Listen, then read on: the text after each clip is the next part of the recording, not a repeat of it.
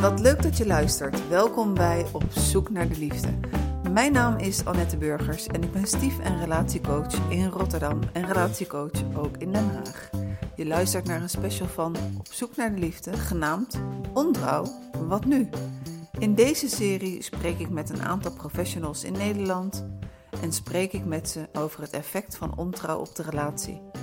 Kan de relatie ontrouw overleven? En waar is dit van of afhankelijk? En misschien wel, kan je het voorkomen? Vandaag spreek ik met Wietske Jansen Schoonhover, coach en begeleider en trainer bij Phoenix Opleidingen in Utrecht. Welkom Wietske in je eigen huis. Dankjewel Annette. Ik verheug me op ons gesprek. Ik ben benieuwd. Ik ook. Ik ook inderdaad. Uh, Wietske, uh, vaak is mijn eerste vraag, en laat ik ook maar weer zo beginnen. Wat is jouw relatiesituatie? Oh, wat een leuke vraag. Um, ik ben onlangs uh, 30 jaar getrouwd. We hebben ons 30-jarig jubileum gevierd en we zijn 40 jaar samen. En uh, nou, zoals Esther Perel wel mooi zegt, is in een huwelijk heb je verschillende fases. Ik denk dat wij zo ons derde huwelijk uh, met elkaar hebben. Hè? Dus tuurlijk, elk huwelijk heeft ups en downs. En ik ben heel dankbaar dat we na 40 jaar nog steeds samen zijn. Dat kan ik me voorstellen. Dat is nogal geen tijd. 40 jaar. En van, van 30 jaar getrouwd. En je zegt van speciale fases. Hè? Kan je aangeven van wat is dan eigenlijk achteraf gezien, of misschien heb je dat op dat moment al beseft, een overgang van een fase naar een andere fase geweest? Nou, een overgang is wel geweest. Uh, we hebben het, de puberteit van onze kinderen. Dat vonden wij allebei geen makkelijke periode.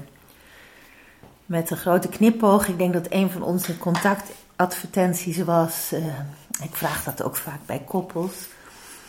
Oververhitte vrouw zoekt onderkoelde man om samen op temperatuur te komen. Wij hielden beide wel van rust, regelmaat. En het leek alsof onze kinderen niet meededen. Die kwamen als wervelwinden in ons leven. En in de puberteit hebben ze, ons, hebben ze behoorlijk aan onze deur geklopt. Dus ook behoorlijk een appel gedaan op grenzen stellen. Wat we beiden niet het makkelijkste vonden. En, uh, dus dat is een periode waarin we elkaar ook wel eens kwijt zijn geraakt. Mm-hmm. En um, nou, toen de kinderen uit huis gingen en die puberteit wat rustiger werd, toen konden wij ook weer makkelijker de weg terugvinden in uh, wat we soms moeilijk aan elkaar vonden. Dat werd uitvergroot in die periode. En toen de kinderen uit huis gingen, was dat dan, ging je de tweede fase in of de derde fase in?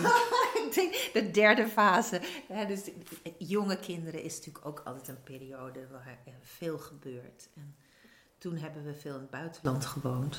Dus dat nou, was een prachtige periode. En ook daarin uh, ja, verandert er wel wat. Als, en toen terugkomend naar Nederland, dat was zo'n overgangsfase buitenland, uh, prachtige tijd gehad. Terugkomend in Nederland uh, moest ik mijn werk in het buitenland afbreken en in Nederland overnieuw beginnen. Terwijl uh, mijn man hier doorging in zijn carrière. Nou, dat, was, dat trok ook een wissel. Mm-hmm. Dus ook zo'n periode waarin het niet altijd even makkelijk was. En nu dan de fase waarin je nu zit, is dit nu het, de vruchten plukken van alles wat je geïnvesteerd hebt, wat jullie geïnvesteerd hebben? Oh, dat vind ik wel een mooie gedachte.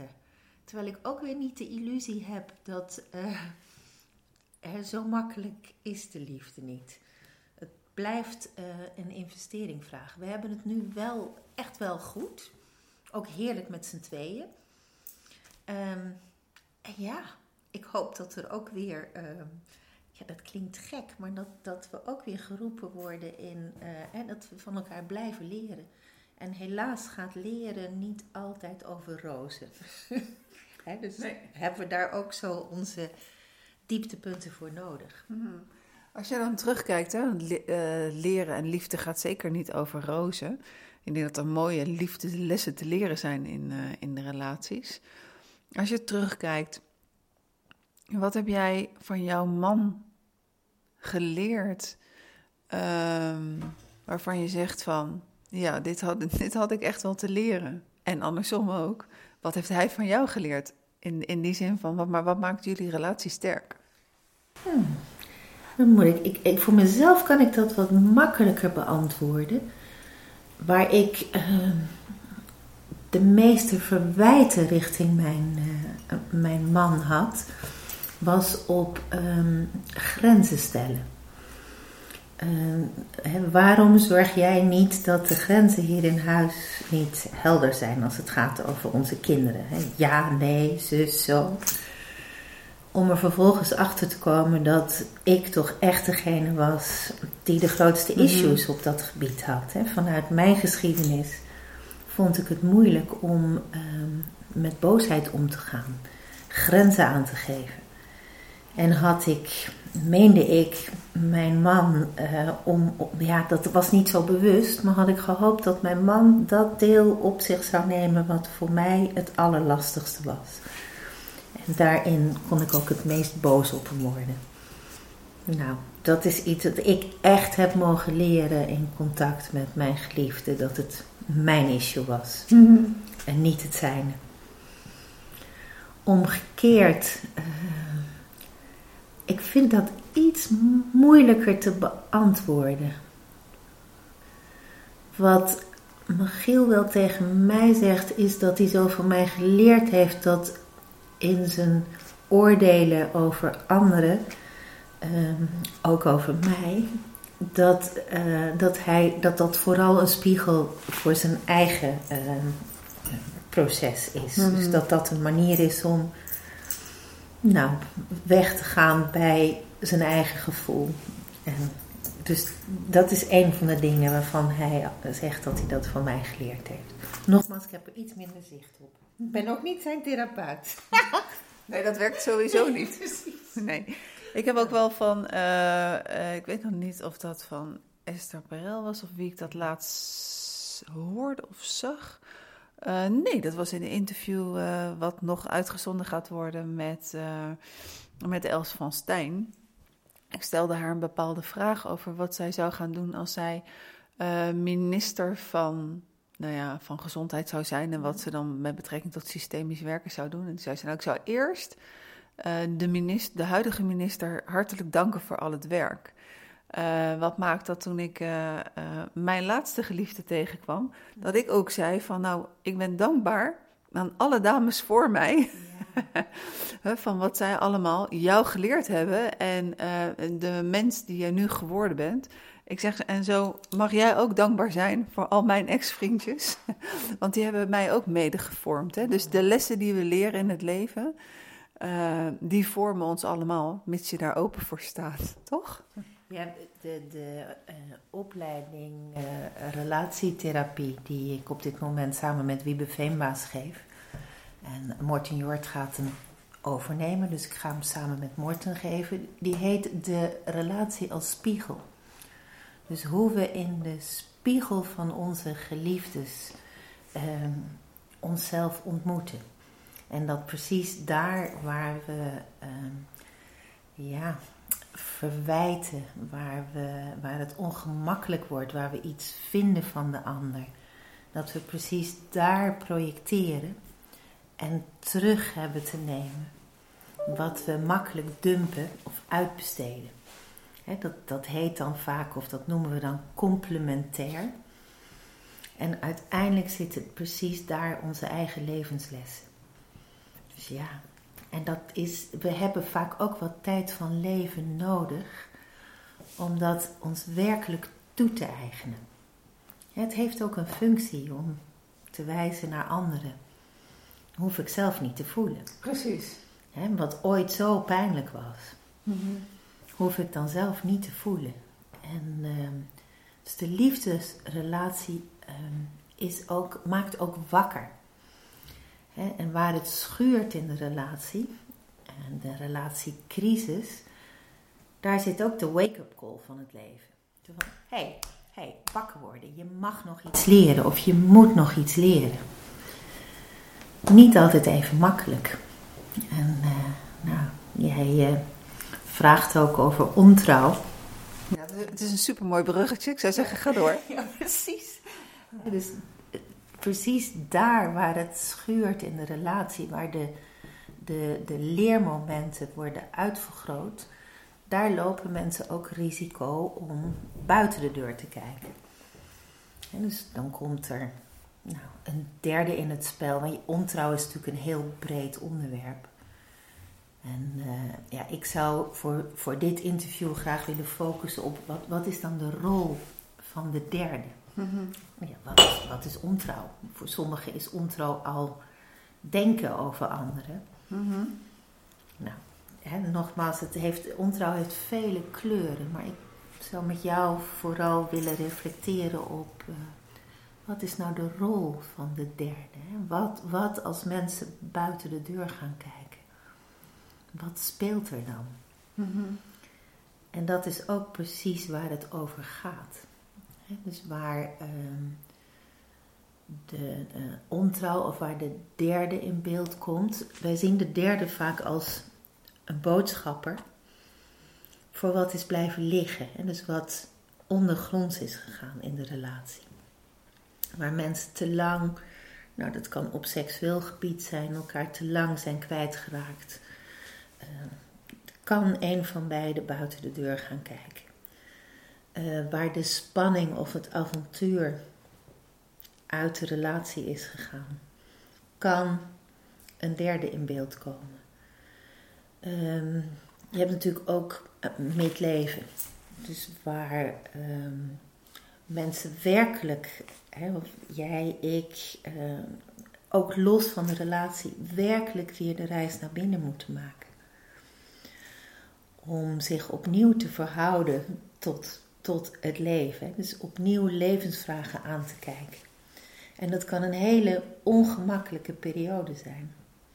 Een periode die angst en stress oproept. Waarbij het ook verleidelijk kan zijn om een antwoord buiten de deur te zoeken. dus de, de, de liefde, uh, ook dat is natuurlijk, wat is nou de liefde? Maar de liefde, de verliefdheid roept. Het is ook een roep aan de ziel. Hé, hey, wakker worden. Er mag nog iets. Er moet nog iets. En de geliefde, of degene op wie je verliefd bent, die staat ook vaak voor iets wat nog, nou, of en of in je relatie nog geen kleur heeft gekregen, maar wat in jezelf ook nog onvoldoende kleur heeft gekregen. Het kan zijn dat je van avontuur houdt, van reizen, en dat dat iets is wat je ook prima uh, zelf vorm, en los van de verliefdheid, vorm zou kunnen geven. Maar wat er niet van komt. dus als je je verliefdheid buiten de relatie op die manier gaat zien, dan kan het zijn dat je ook een ander antwoord vindt. dus dat je niet per se je verliefdheid hoeft vorm te geven, maar hem wel kan zien als hé. Hey, er moet nog iets, er mag nog iets gebeuren in mijn relatie. Of ik heb zelf, nou, een hobby op te pakken. Of ehm, mijn behoefte aan reizen en avontuur in te vullen op een manier die goed voor mij is. Niet afhankelijk van mm een derde, maar voor mijn eigen beweging. Ja.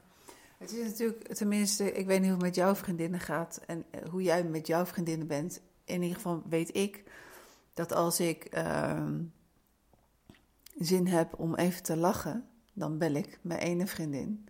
Als ik zin heb om, ja, het is nu natuurlijk in deze tijd heel raar, maar stel dat ik wil wandelen, dan weet ik ook wie ik ga bellen. En stel dat ik zin heb om, uh, om een avondje te klagen, dan weet ik ook wie ik kan bellen. Uh, en eigenlijk verwachten wij dat allemaal nog wel van die ene man. Dat, ja, dat uh, uh, soort van de prins op het witte paard die een antwoord is op al onze dromen. Ja. Maar dat is de illusie. Het gaat een tijdje goed. Drie maanden, toch? nou, zeg maar verliefdheid anderhalf jaar, twee. Sommige stellen die, die kunnen dat echt een leven lang. Hè, dus die, die verliefdheid. Maar Meestal komt er weer een moment dat blijkt dat hij ook gewoon een buikje en sokken heeft. En dat zijn onderbroeken gewassen moeten worden. Gewoon een man. En, um, en andersom, hè? Dat, dat wij ook wel uh, van onze paard afvallen of van prinsessen troontje afvallen? Nou, dacht het wel, ja. ja, dus, ja, zo is het. Ik ben even, ik merkte dat ik even, ik wilde nog iets zeggen, maar dat ben ik even kwijt. Mm. Ja, we hadden het erover dat, uh, dat we de dingen halen bij de derde. En uh, dat dat een, een reis ook voor onszelf is om, om antwoorden van ja, waar staan we eigenlijk? Dit is nog een vraag, ik heb nog iets te leren. Ja. En, uh, ik wat ik wilde zeggen. Oké, heel goed. Ja. Wat ik wilde zeggen is dat wat we ooit zo leuk aan onze geliefde vonden. Nu heb ik het even niet over de derde en de verliefdheid. Wat we ooit zo leuk vonden aan onze geliefde, dat we precies daar ons ook aan kunnen ergeren. dus, en ergens zit dat ook op datzelfde stuk. We projecteren iets buiten bij de geliefde, om er vervolgens achter te komen dat het aan ons is, aan mij is om dat op te pakken. Mm is een, een, ja, misschien maak ik nu een zijstapje, maar ik zie even dat stel bij mij op de bank zitten uh, en zij zegt over hem: Hij is altijd zo boos. Nou, dan begin ik bij haar. Zo, wat heb je met boos? Nou, het blijkt dat het voor haar een lastige klus is om met grenzen en boosheid te komen. Dat is natuurlijk ook mijn thema, daar begon ik ook mee. En hij zit er wat schuldbewust bij te knikken. En zo komen we er toch in het gesprek achter dat hij ook boos voor twee is. Waar zij ondergrond gaat, vergroot hij iets uit. En hebben ze daar beide ook weer iets in terug te nemen. Zij om meer met haar eigen grenzen te doen. Hij om een stap naar achteren te doen en zijn eigen pijn en ongemak. Dus de reis naar binnen te maken en aan te kijken. Dus in die dynamieken uh, kunnen mensen elkaar ook kwijtraken. Terwijl op de onderlaag dit precies is waar het over gaat. Hè? Dus waar hun contactadvertenties ook zitten. Ik haal weer even terug wat ik net mhm. over mezelf zei. Hè? Van oververhitte vrouw zoekt onderkoelde man. Om samen op temperatuur te komen. Hè? Dus beide moeten iets leren.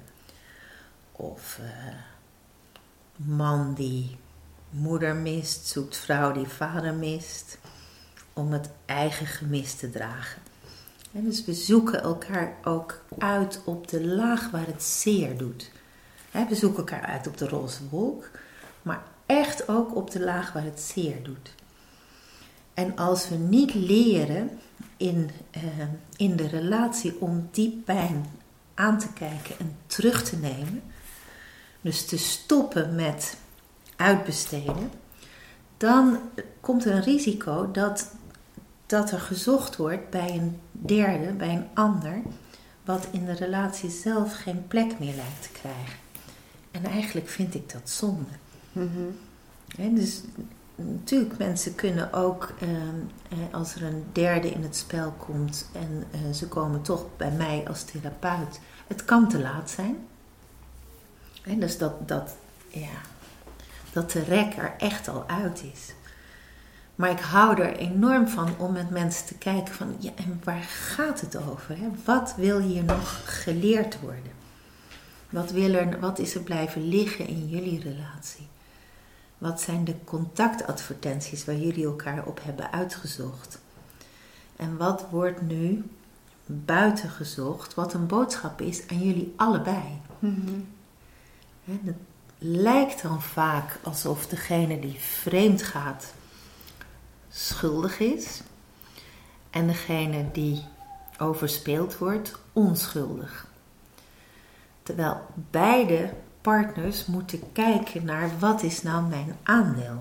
En dus ook degene die, ik noem het nou even overspeelt, ook degene die overspeeld wordt, van wat, wat is het aandeel? Hè? Wat, waar zit, wat heb jij nu laten liggen? Dat er ruimte is gekomen voor een derde. Het, het kan zijn uh, nou, in een man-vrouw relatie dat de vrouw uh, zich zo op de kinderen heeft gestort dat er weinig ruimte meer is voor haar als minnares. Hè? Dus dat er weinig ruimte meer is voor voor haar echtgenoot, maar ook voor haar eigen levensenergie in de relatie. Of dat ze zo, ja, dat komt nu even bij me op, met paardrijden bezig is en vriendinnen en familie. Dat zijn ruimte relatief klein is geworden. En dus wie gaat er nu als eerste weg? Dat is ook altijd weer een vraag waarin als beide partners hun aandeel kunnen nemen, dan is de kans op heling, ondanks dat er een derde is, veel groter. En wat ik ook zie, dus ik noem dat wel. Ehm, eh, en dan ga ik misschien te snel voor jou vragen, hè, want ik wil nu ook even met jou kijken naar van wat is er nodig als er een derde is geweest om dat af te ronden. Mhm. Heb je nog, kan ik daar nu met jou? Ja, dat is helemaal prima. Van, want, wat is er een derde geweest wat heel vaak uh, heel lastig is, is het stukje uh, afhankelijk eh, en ook wel onafhankelijk van hoe het aan het licht is gekomen. Hè? Is iemand betrapt? Heeft iemand het zelf verteld? Of, of hoe, ja, welke constructie of wat is de exclusieve ruimte binnen het koppel? Um, maar ook daarbij, stel dat, dat er een derde is, dat daar afscheid van genomen wordt, omdat er doorgestart wordt in de relatie. Ja, hoe ga je dan om met die rouw? dus degene die het een en ander gehaald heeft bij de derde, bewust of onbewust, uh, die heeft wel wat te rouw was, die dat achterlaat en uh, doorgaat met de relatie. Nou ja, net als degene die, die achter is gebleven, de ander. Dus dan komt ook werkelijk de rouw in de relatie. Hè? De, er is ook iets, er is een illusie kapot. dus dat geldt natuurlijk voor twee kanten. En dat, uh, dat moet ook uh, geëerd worden, aangekeken worden. Net doen alsof er niks aan de hand is geweest en doorgaan, dat gaat niet. He, dus voor een koppel wel echt van belang om hierover met elkaar in gesprek te gaan. Wat, wat, wat missen we? Of wat vind ik niet meer zo leuk aan jou? dus de, de, schaduw in de relatie moet op tafel, vol. Um, en, en wat ik je net zei, beide moeten, ja niet van mij, maar mm van het leven, beide moeten bereid zijn om naar hun aandeel te kijken. Um, boosheid mag. dus echt ook vol dat, dat de rauwheid van. Uh, hè, rauw, de, met AU en OU, de rauwheid van, van de boosheid en frustratie, ook dat moet op tafel. Van beide kanten. En dan komt er een moment ehm, dat er toch afscheid genomen moet worden, dat er, een, dat er een volgende stap moet komen. Want als er een dynamiek blijft van de een is schuldig en de ander is onschuldig, dan sluipt er iets in de relatie van. Um, nou, degene die overspeeld is, die heeft de macht van de. Uh, nou, de ons. Nee. Ik ben eventjes. Uh, ben even aan het zoeken. Schuld en onschuld, dan krijg je een soort dynamiek tussen de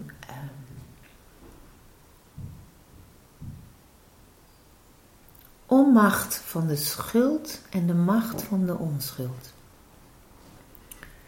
Dus degene die achter is gebleven, die overspeeld is, die voelt zich onschuldig en blijft als het ware wijzen naar de andere partner alsof, ja, jij bent schuldig. Natuurlijk. Maar als je niet bereid bent om ehm, een volgende stap te zetten, dan gaat het bijna niet omdat het ook niet te verdragen is om altijd in die schuldpositie te blijven. Dat, dat gaat niet. Dus ik zoek met uh, koppels ook altijd naar de rituele ruimte.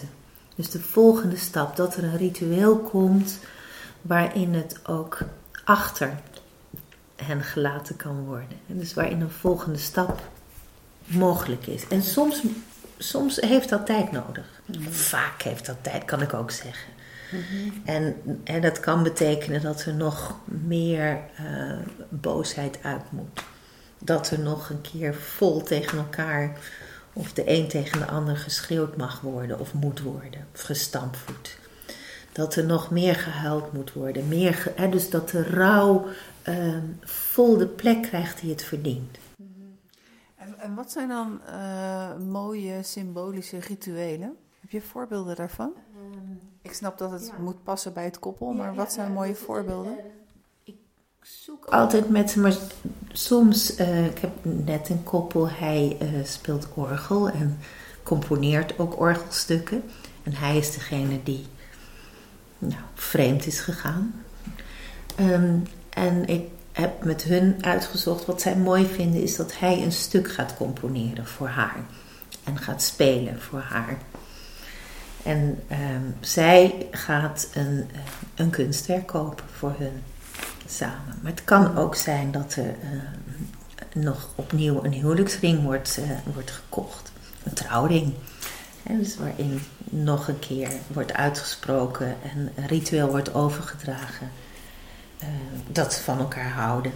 Mm -hmm. En dat ze committeren om door te gaan. En wat gebeurd is, achter zich laten.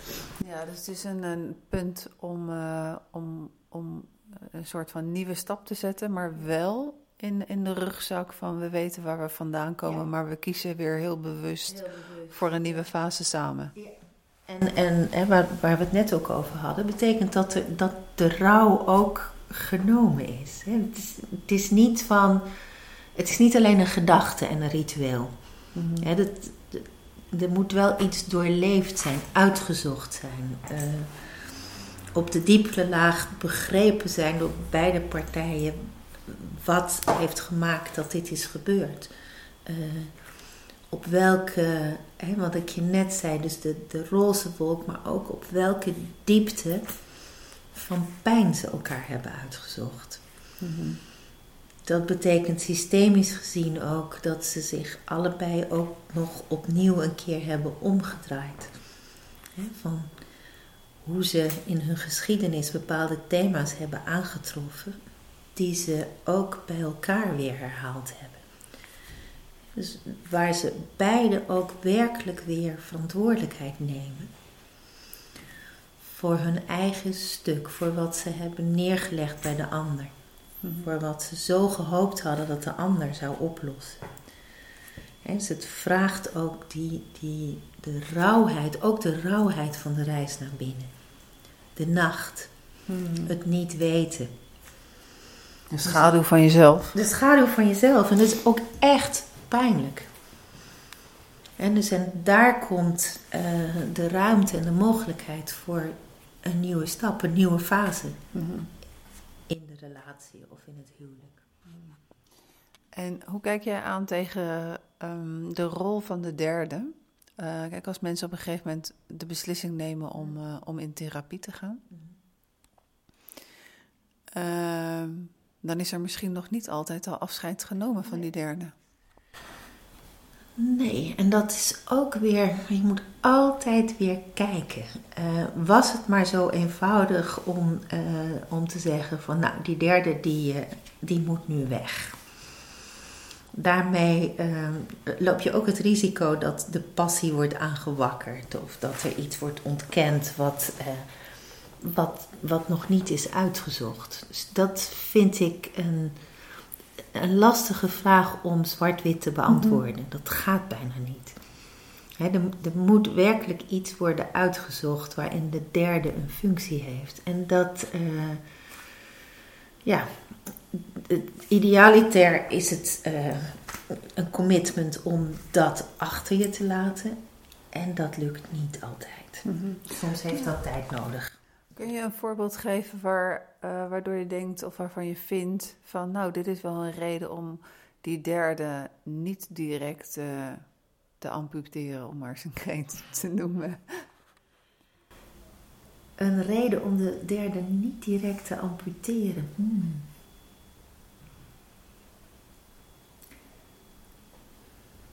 Het gaat gewoon bijna niet. Het, vaak gaat het bijna niet om de derde klakkeloos naar huis te sturen. Het kan een, uh, wat, wat ik vaker zie, is dat het een parallel proces wordt waarin de dingen worden uitgezocht. En als een stel echt bereid is om, om het opnieuw met elkaar aan te gaan en aan te kijken, met respect voor wat de derde voor de relatie betekent. Hè? Dus dat het niet alleen een boodschapper is voor degene die vreemd gaat, maar ook voor degene die achterblijft. Ja, daar, precies daar ontstaat ruimte om, om de afstand ten opzichte van die hele aantrekkelijke derde ehm, te creëren. En soms is het ook al gebeurd. Voelt iemand van nou, ik, ik ben verliefd geworden en ik kies voor mijn relatie. Dat is altijd makkelijker. Mhm. En soms komen mensen ook echt met ik weet niet, hè, ik, ik ben het aan het uitzoeken. Of ik nu met die ander van buiten verder wil of met mijn eigen vrouw. Ja, zeg het maar. Ja, op papier lijkt het heel makkelijk. Die derde moet weg en, en, en dan komt het goed. Maar in de praktijk gaat het meestal niet zo. Het wil worden uitgezocht. En de derde wegsturen maakt het vaak uh, ja, nog veel lastiger. Is mijn ervaring. Ja, en eigenlijk is het misschien ook wel zo dat als het goed wordt uitgezocht tussen partners die niet voor niks in therapie gaan omdat ze toch verder willen. Ze zoeken het goed uit en ze komen stappen verder. Dat de behoefte aan die derde zal verkleinen, misschien wel helemaal weg zal gaan. dat zie ik veel meer als het, als het pad. Dus ik, ik, meest, nou, ik ga er eigenlijk vanuit, als mensen hier komen, zijn ze echt bereid om te kijken. Ja, soms zijn ze ook echt te laat. Nog steeds is het zinvol om uit te zoeken. En vaak ook zijn er kinderen uh, in het spel. Dus het, het heeft altijd zin om uit te zoeken. Wat maakt nu dat die derde ertussen is gekomen? Of wat maakt nu dat een periode iemand anders is geweest? Of wat maakt nu dat er een periode een groot geheim is geweest, hè, waarbij het lang niet verteld is? Waar gaat het over? Nou, dat is, dat is vaak een mooie puzzel. Hè, die ook weer te maken heeft met, uh, met het omkijken naar waar beide partners vandaan komen. Hmm. Welk geheim wordt hier herhaald? Of uh, hè, wat wordt er herhaald ook uit de geschiedenis van ouders? Misschien was er een vader die veel vreemd ging of een moeder. Weet je, vaak lichten er ook oude thema's op in het hier en nu. En leren mensen ook werkelijk zichzelf beter verstaan. Hoe het ook gaat. Mhm. Of ze nou bij elkaar kunnen blijven of niet. En dat geldt zowel voor het koppel als, als voor de derde. Dus het, het gaat ergens over. En die boodschap wil worden aangekeken. Dus op een bepaalde laag is dat nog een veel groter of, of interessanter dan het feit aan zich. Mhm. Ja, nou, als je het niet aankijkt vanuit uh, die aspecten, dan, uh, dan neem je het weer mee naar de volgende. Dus dan krijg je het linksom, rechtsom, krijg je het toch weer op je bordje. Zo is het. En, en dan herhaalt het zich. Dus word nu maar wakker. Hè? Dus neem die wake-up call van het leven en ook de roep van de liefde en de verliefdheid. Neem die serieus. Zoek het uit. Hè? Dus wat het resultaat ook is. Kijk, als relatietherapeut, ik hou het liefst spijker ik koppels aan elkaar. Mhm. Maar ja, dat is weer niet aan mij. wat, waar, waar ik mensen echt bij kan dienen, is die diepere laag van verlangen en gemis. Mm Verraad en verlangen. waar gaat het over?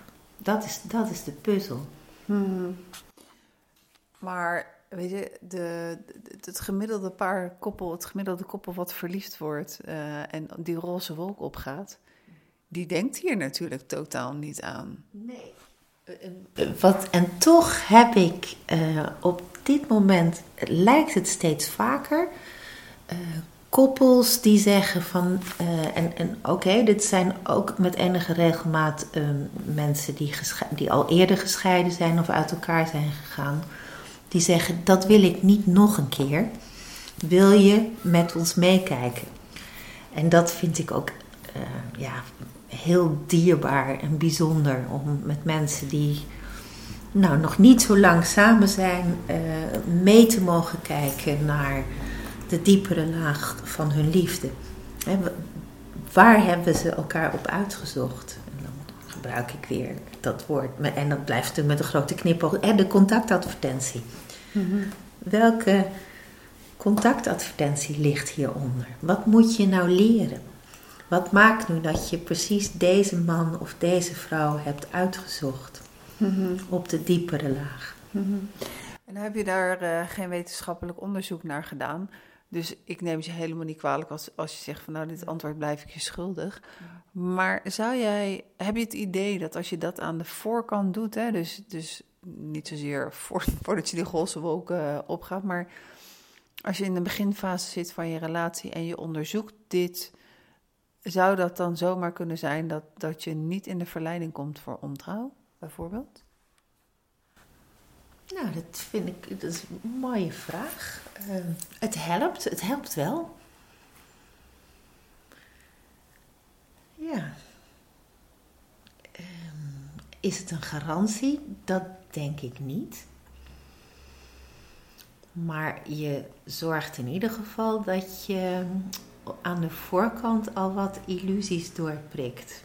Mm dus wat je zo hoopt dat de ander voor jou gaat oplossen, dat je daarin al in een vroeger stadium wakker wordt dan, uh, dan wanneer je het niet uitzoekt.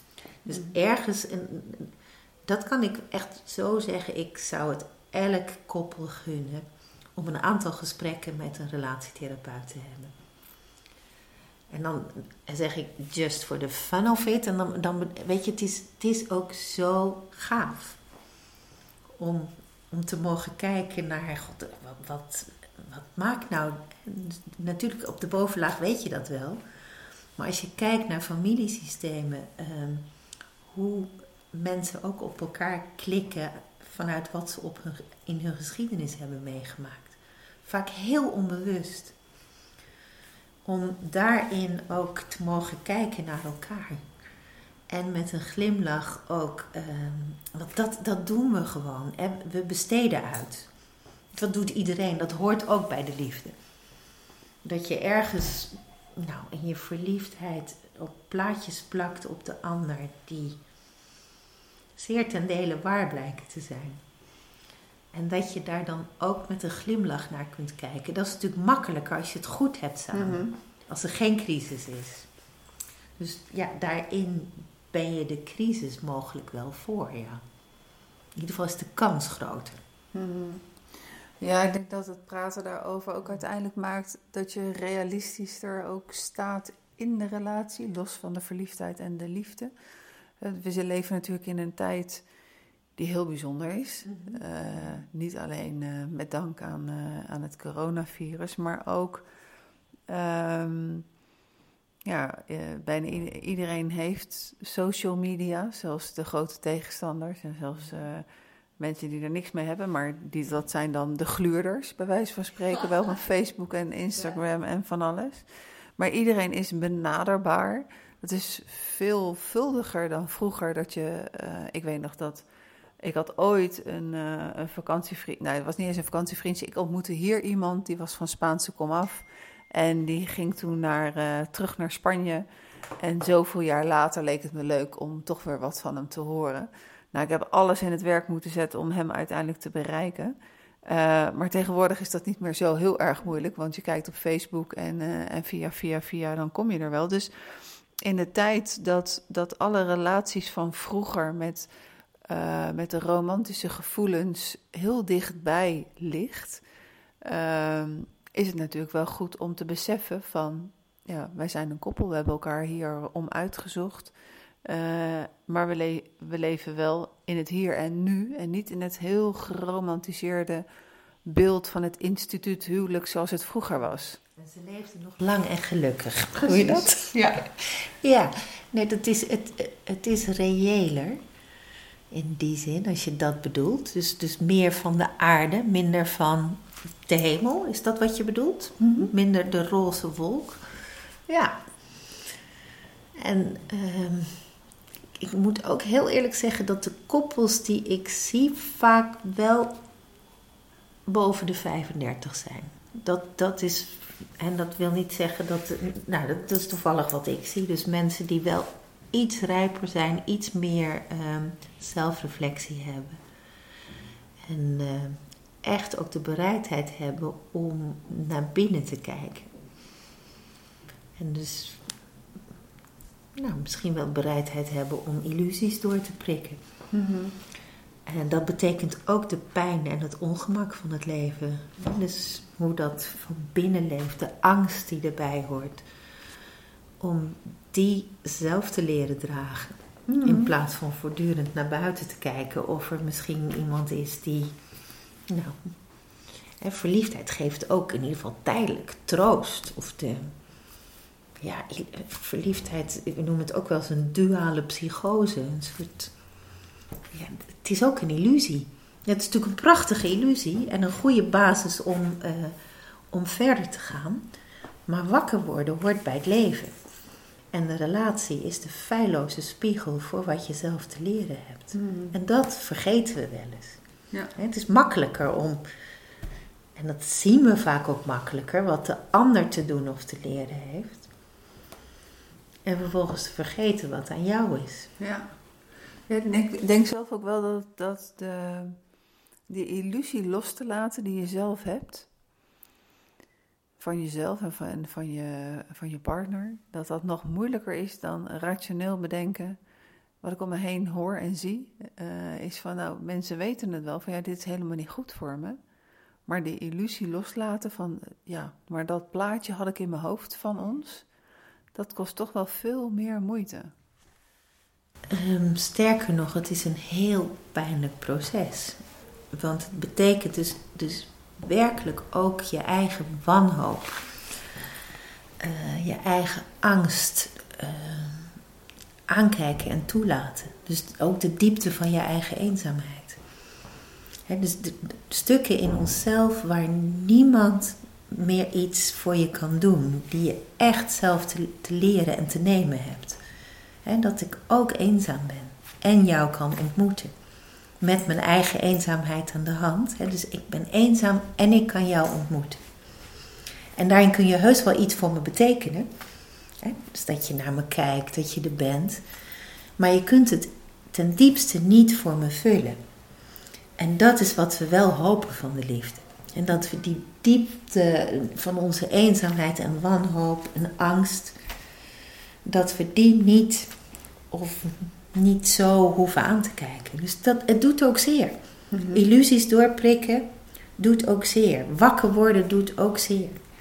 En het geeft vervolgens ook meer plezier. dus als je de diepte van het leven meer leert nemen, dan komt de hoogte er ook bij. Dus het is beide. Mhm. Eh, wat, wat heb je voor een tip voor mensen die te maken krijgen met ontrouw? Binnen hun relatie en ze hebben kinderen? Um, alsjeblieft, zoek het uit.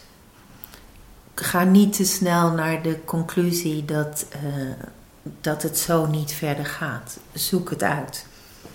Zeker als er kinderen zijn. En dus ook, ook jullie kinderen verdienen het om, uh, nou, om te kijken wat er werkelijk speelt en of er nog een kans is om een doorstart te maken om samen verder te gaan. En als dat niet zo is, ook dan dient het om te kijken ehm, naar je eigen aandeel hierin. En wat jij te leren hebt. Op welke plek je ook staat in de relatie. Want anders loop je het risico dat je dat in een volgende relatie op dezelfde manier tegenkomt. Maar dan net iets anders aangevlogen. Dus alsjeblieft zoek het uit. Mhm.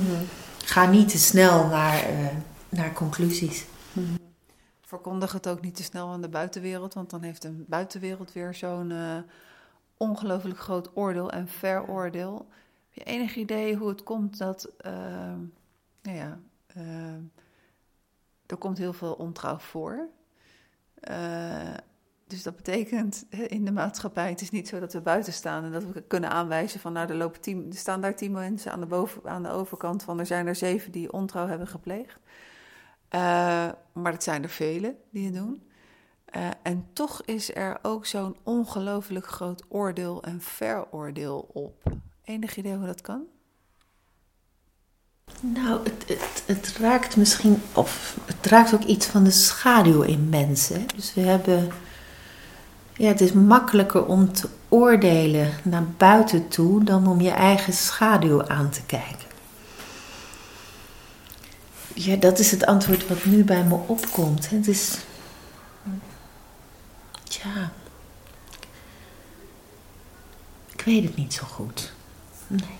Behalve dat dat stukje, ik bedoel, het is niet voor niks dat Nederland 17 eh, miljoen uh, uh, voetbaltrainers van het Oranje team heeft, toch?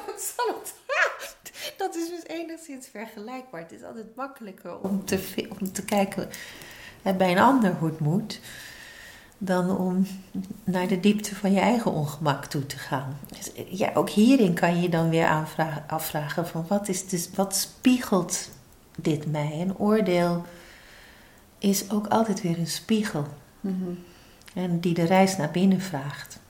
Ja, natuurlijk is het makkelijker om te oordelen. Doe ik, doe ik ook wel naar buiten toe. Natuurlijk doe ik dat ook. Maar ja, als ik eerlijk ben, hè, is het toch steeds weer van waar raakt het mij? Wat zegt het over mij? Mm wat meer oplevert dan, uh, dan naar buiten mijn oordeel ventileren. Ik kan me voorstellen dat dat helemaal een, een bijna natuurlijk mechanisme inmiddels bij jou is. Um, nee. nee, dat zou te mooi zijn. Ik heb er wel meer gewaarzijn op. Maar wat ik net zeg, ik kan ook heel goed oordelen. Mhm. En uh, ja, het, weet je, op dat moment hoef ik ook niet zo naar binnen en te voelen hoe het hier is. Dus op een, uh, op een goede dag lukt het me echt goed om, om hè, vanuit mijn oordeel, dat doen alle mensen naar binnen te gaan en denken: oh ja, wat zegt het over mij? Mhm. En op een kwade dag uh, vind, ik, vind ik van alles.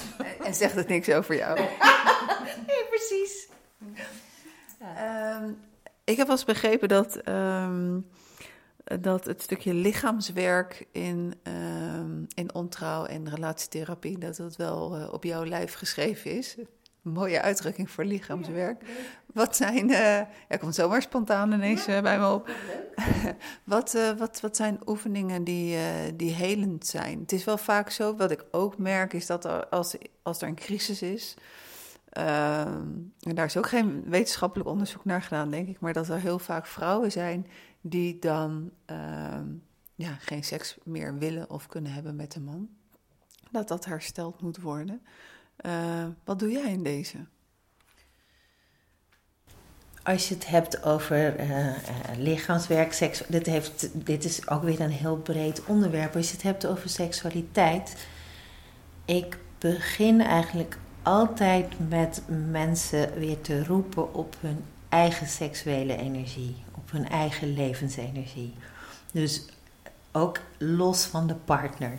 Dus waar. Uh, waar zit jouw uh, erotiek? Wat, wat vind je fijn? Wat vind je lekker? Ongeacht de man of de vrouw met wie je nu bent. En ik geef ze eigenlijk ook altijd huiswerk om daar iets in uit te zoeken. Boeken, films, dansen, bekkenbodem. Dus, dus begin veel meer op de laag van, van jezelf. Van jezelf en, en, en je eigen reis daarin. Om daar iets in uit te zoeken, om vervolgens weer uh, samen te onderzoeken. Dus dat is vaak een makkelijker weg dan huiswerkopdracht geven. Op, op, ja, natuurlijk, daar kan ik, hè, dus alleen op de aanraking, dat is vaak nog makkelijker. Dan uh, meteen weer naar, naar seks of seksualiteit. Maar dit werkt over het algemeen, uh, hebben beide partners daar ook lol in. Om te beginnen met los van elkaar hun huiswerk te doen. Mm Om wat te experimenteren, wat past nou eigenlijk bij mij, wat vond ik leuk. Of, of uh, en je hebt tegenwoordig ook echt mooie uh, sekswinkels. Hè? Dus vroeger had je van die sleazy achteraf uh, winkeltjes. Maar nu heb je echt mooie sexshops waar goede voorlichting is. En hoe leuk is het om daar eens, ja, ook, ook als stel wel hoor, om, om naar binnen te gaan en je te laten voorlichten op nou, seksspeeltjes of uh, Yoni eggs of whatever. Ze weten veel, ze kunnen daar heel mooi over vertellen. Dus ja, dat soort uh, dingen om het, om het of een kop mooie lingerie voor jezelf. Mhm. Het hoeft ook allemaal niet groot en meeslepend, maar wel, hè, wat vind ik lekker? Mhm. Wat vind ik prettig?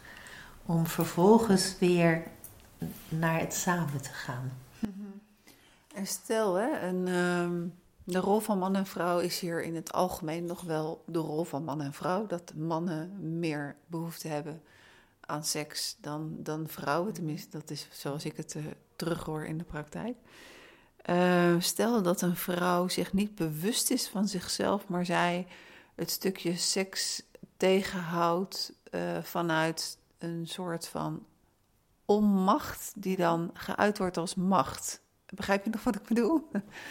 Zo van de, de vrouw uh, voelt een onmacht als de man vreemd gegaan is. Uh, en als machtsmiddel zet ze in: Oh, dan wil ik geen seks met jou. En wat is dan je vraag?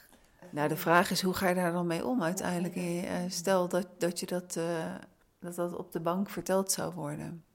Hoe kan je een vrouw daarin zover krijgen dat ze dat ombuigt, omdenkt? Oh, um, nou, ik begrijp wel dat het lastig is als er een derde in het spel is om uh, je seksueel open te stellen. Of, of je nou man of vrouw bent. Dus dat dat een tijdje ondergronds mm. gaat, dat lijkt me heel begrijpelijk. Dus het lijkt me dan eerst weer um, de weg om uit te zoeken wat er speelt de boodschappen serieus te nemen en te kijken waar de ruimte zit voordat je weer focust op seksualiteit.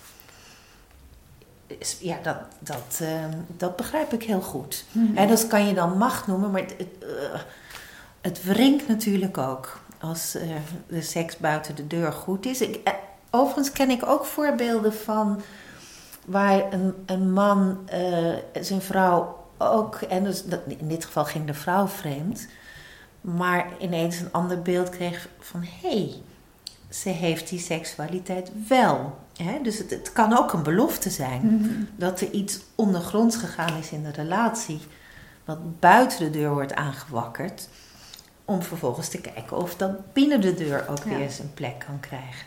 En je moet altijd weer kijken. Um, ja, ja, kortom, het, het, biedt eigenlijk uh, kansen. Hè? Dus uh, op de vraag van ontrouw, wat nu? Wat is dan je antwoord? Ik hou wel van dat zinnetje dat het ook kansen biedt. Hm. En, en dat is ook echt waar. Dus hoe het ook verder gaat, of, of uh, partners nu bij elkaar blijven of niet. Um, hier zit een belangrijke boodschap voor de relatie en voor de eigen ontwikkeling. En als die verstaan wordt, dan, uh, ja, dan, dan, daar gaat het om. Dat is wat het de moeite waard blijft, uh, maakt om het te onderzoeken. Mm-hmm. De wake-up call van het leven, dat je die serieus neemt. Verliefdheid op zich is niet zoveel, zeg ik wel eens. Met een, ja, weet je, het is natuurlijk een, een fijne uh, ervaring, maar het is ook een illusie. Dat zijn mooie woorden. Uh, we lopen sowieso al eh, naar het einde van het interview. Eigenlijk zijn het al woorden genoeg, mooi genoeg, mooie genoeg. Nou ja, dat komt er zelf helemaal niet meer, niet meer uit. De woorden zijn super mooi om ermee te eindigen. Maar ik heb toch nog wel een vraag. Is er een vraag over dit onderwerp die ik je niet gesteld heb en waar je toch nog een antwoord op zou willen geven, Wietske? Nou, daar moet ik echt even over nadenken. Um... wellicht, het lijkt een heel klein antwoord op je vraag. En ik zie het in mijn praktijk zo vaak. Dan vraag ik mensen om elkaar aan te kijken.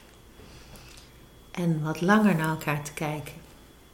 En dat blijkt voor veel koppels zo verschrikkelijk spannend. Veel spannender dan ruzie maken. Dus ja, in het, in het uh, stil zijn en elkaar wat vaker aankijken. En je laten raken door je partner. Dat daar vaak zo'n grote opening zit. Die met woorden gevuld wordt. eh, terwijl dat eigenlijk zonde is. Dus hoe je de relatie als spiegel, dus dat je in de ogen van de ander jezelf ook gespiegeld kunt zien.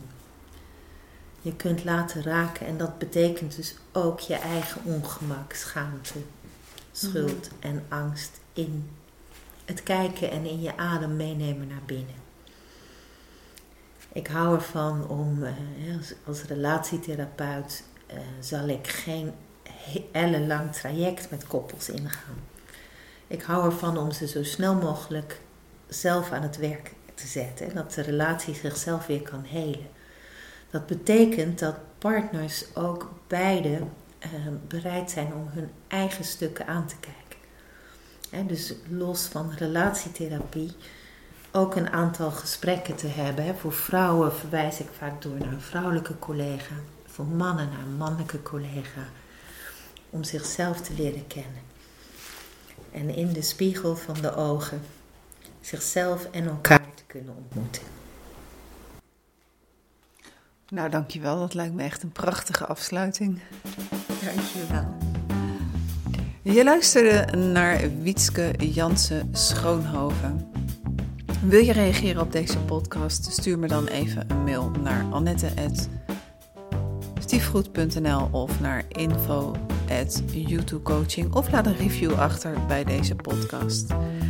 Met dank aan Wietske voor deze aflevering Ontrouw Wat Nu in deze masterclass-serie. En jij bedankt voor het luisteren. Fijn dat je er weer bij bent. Over twee weken is er weer een special over ontrouw. Ik zou zeggen, luister je dan ook weer. Ik hoop van wel. Tot dan. En Witske, nogmaals, mijn dank. Graag gedaan.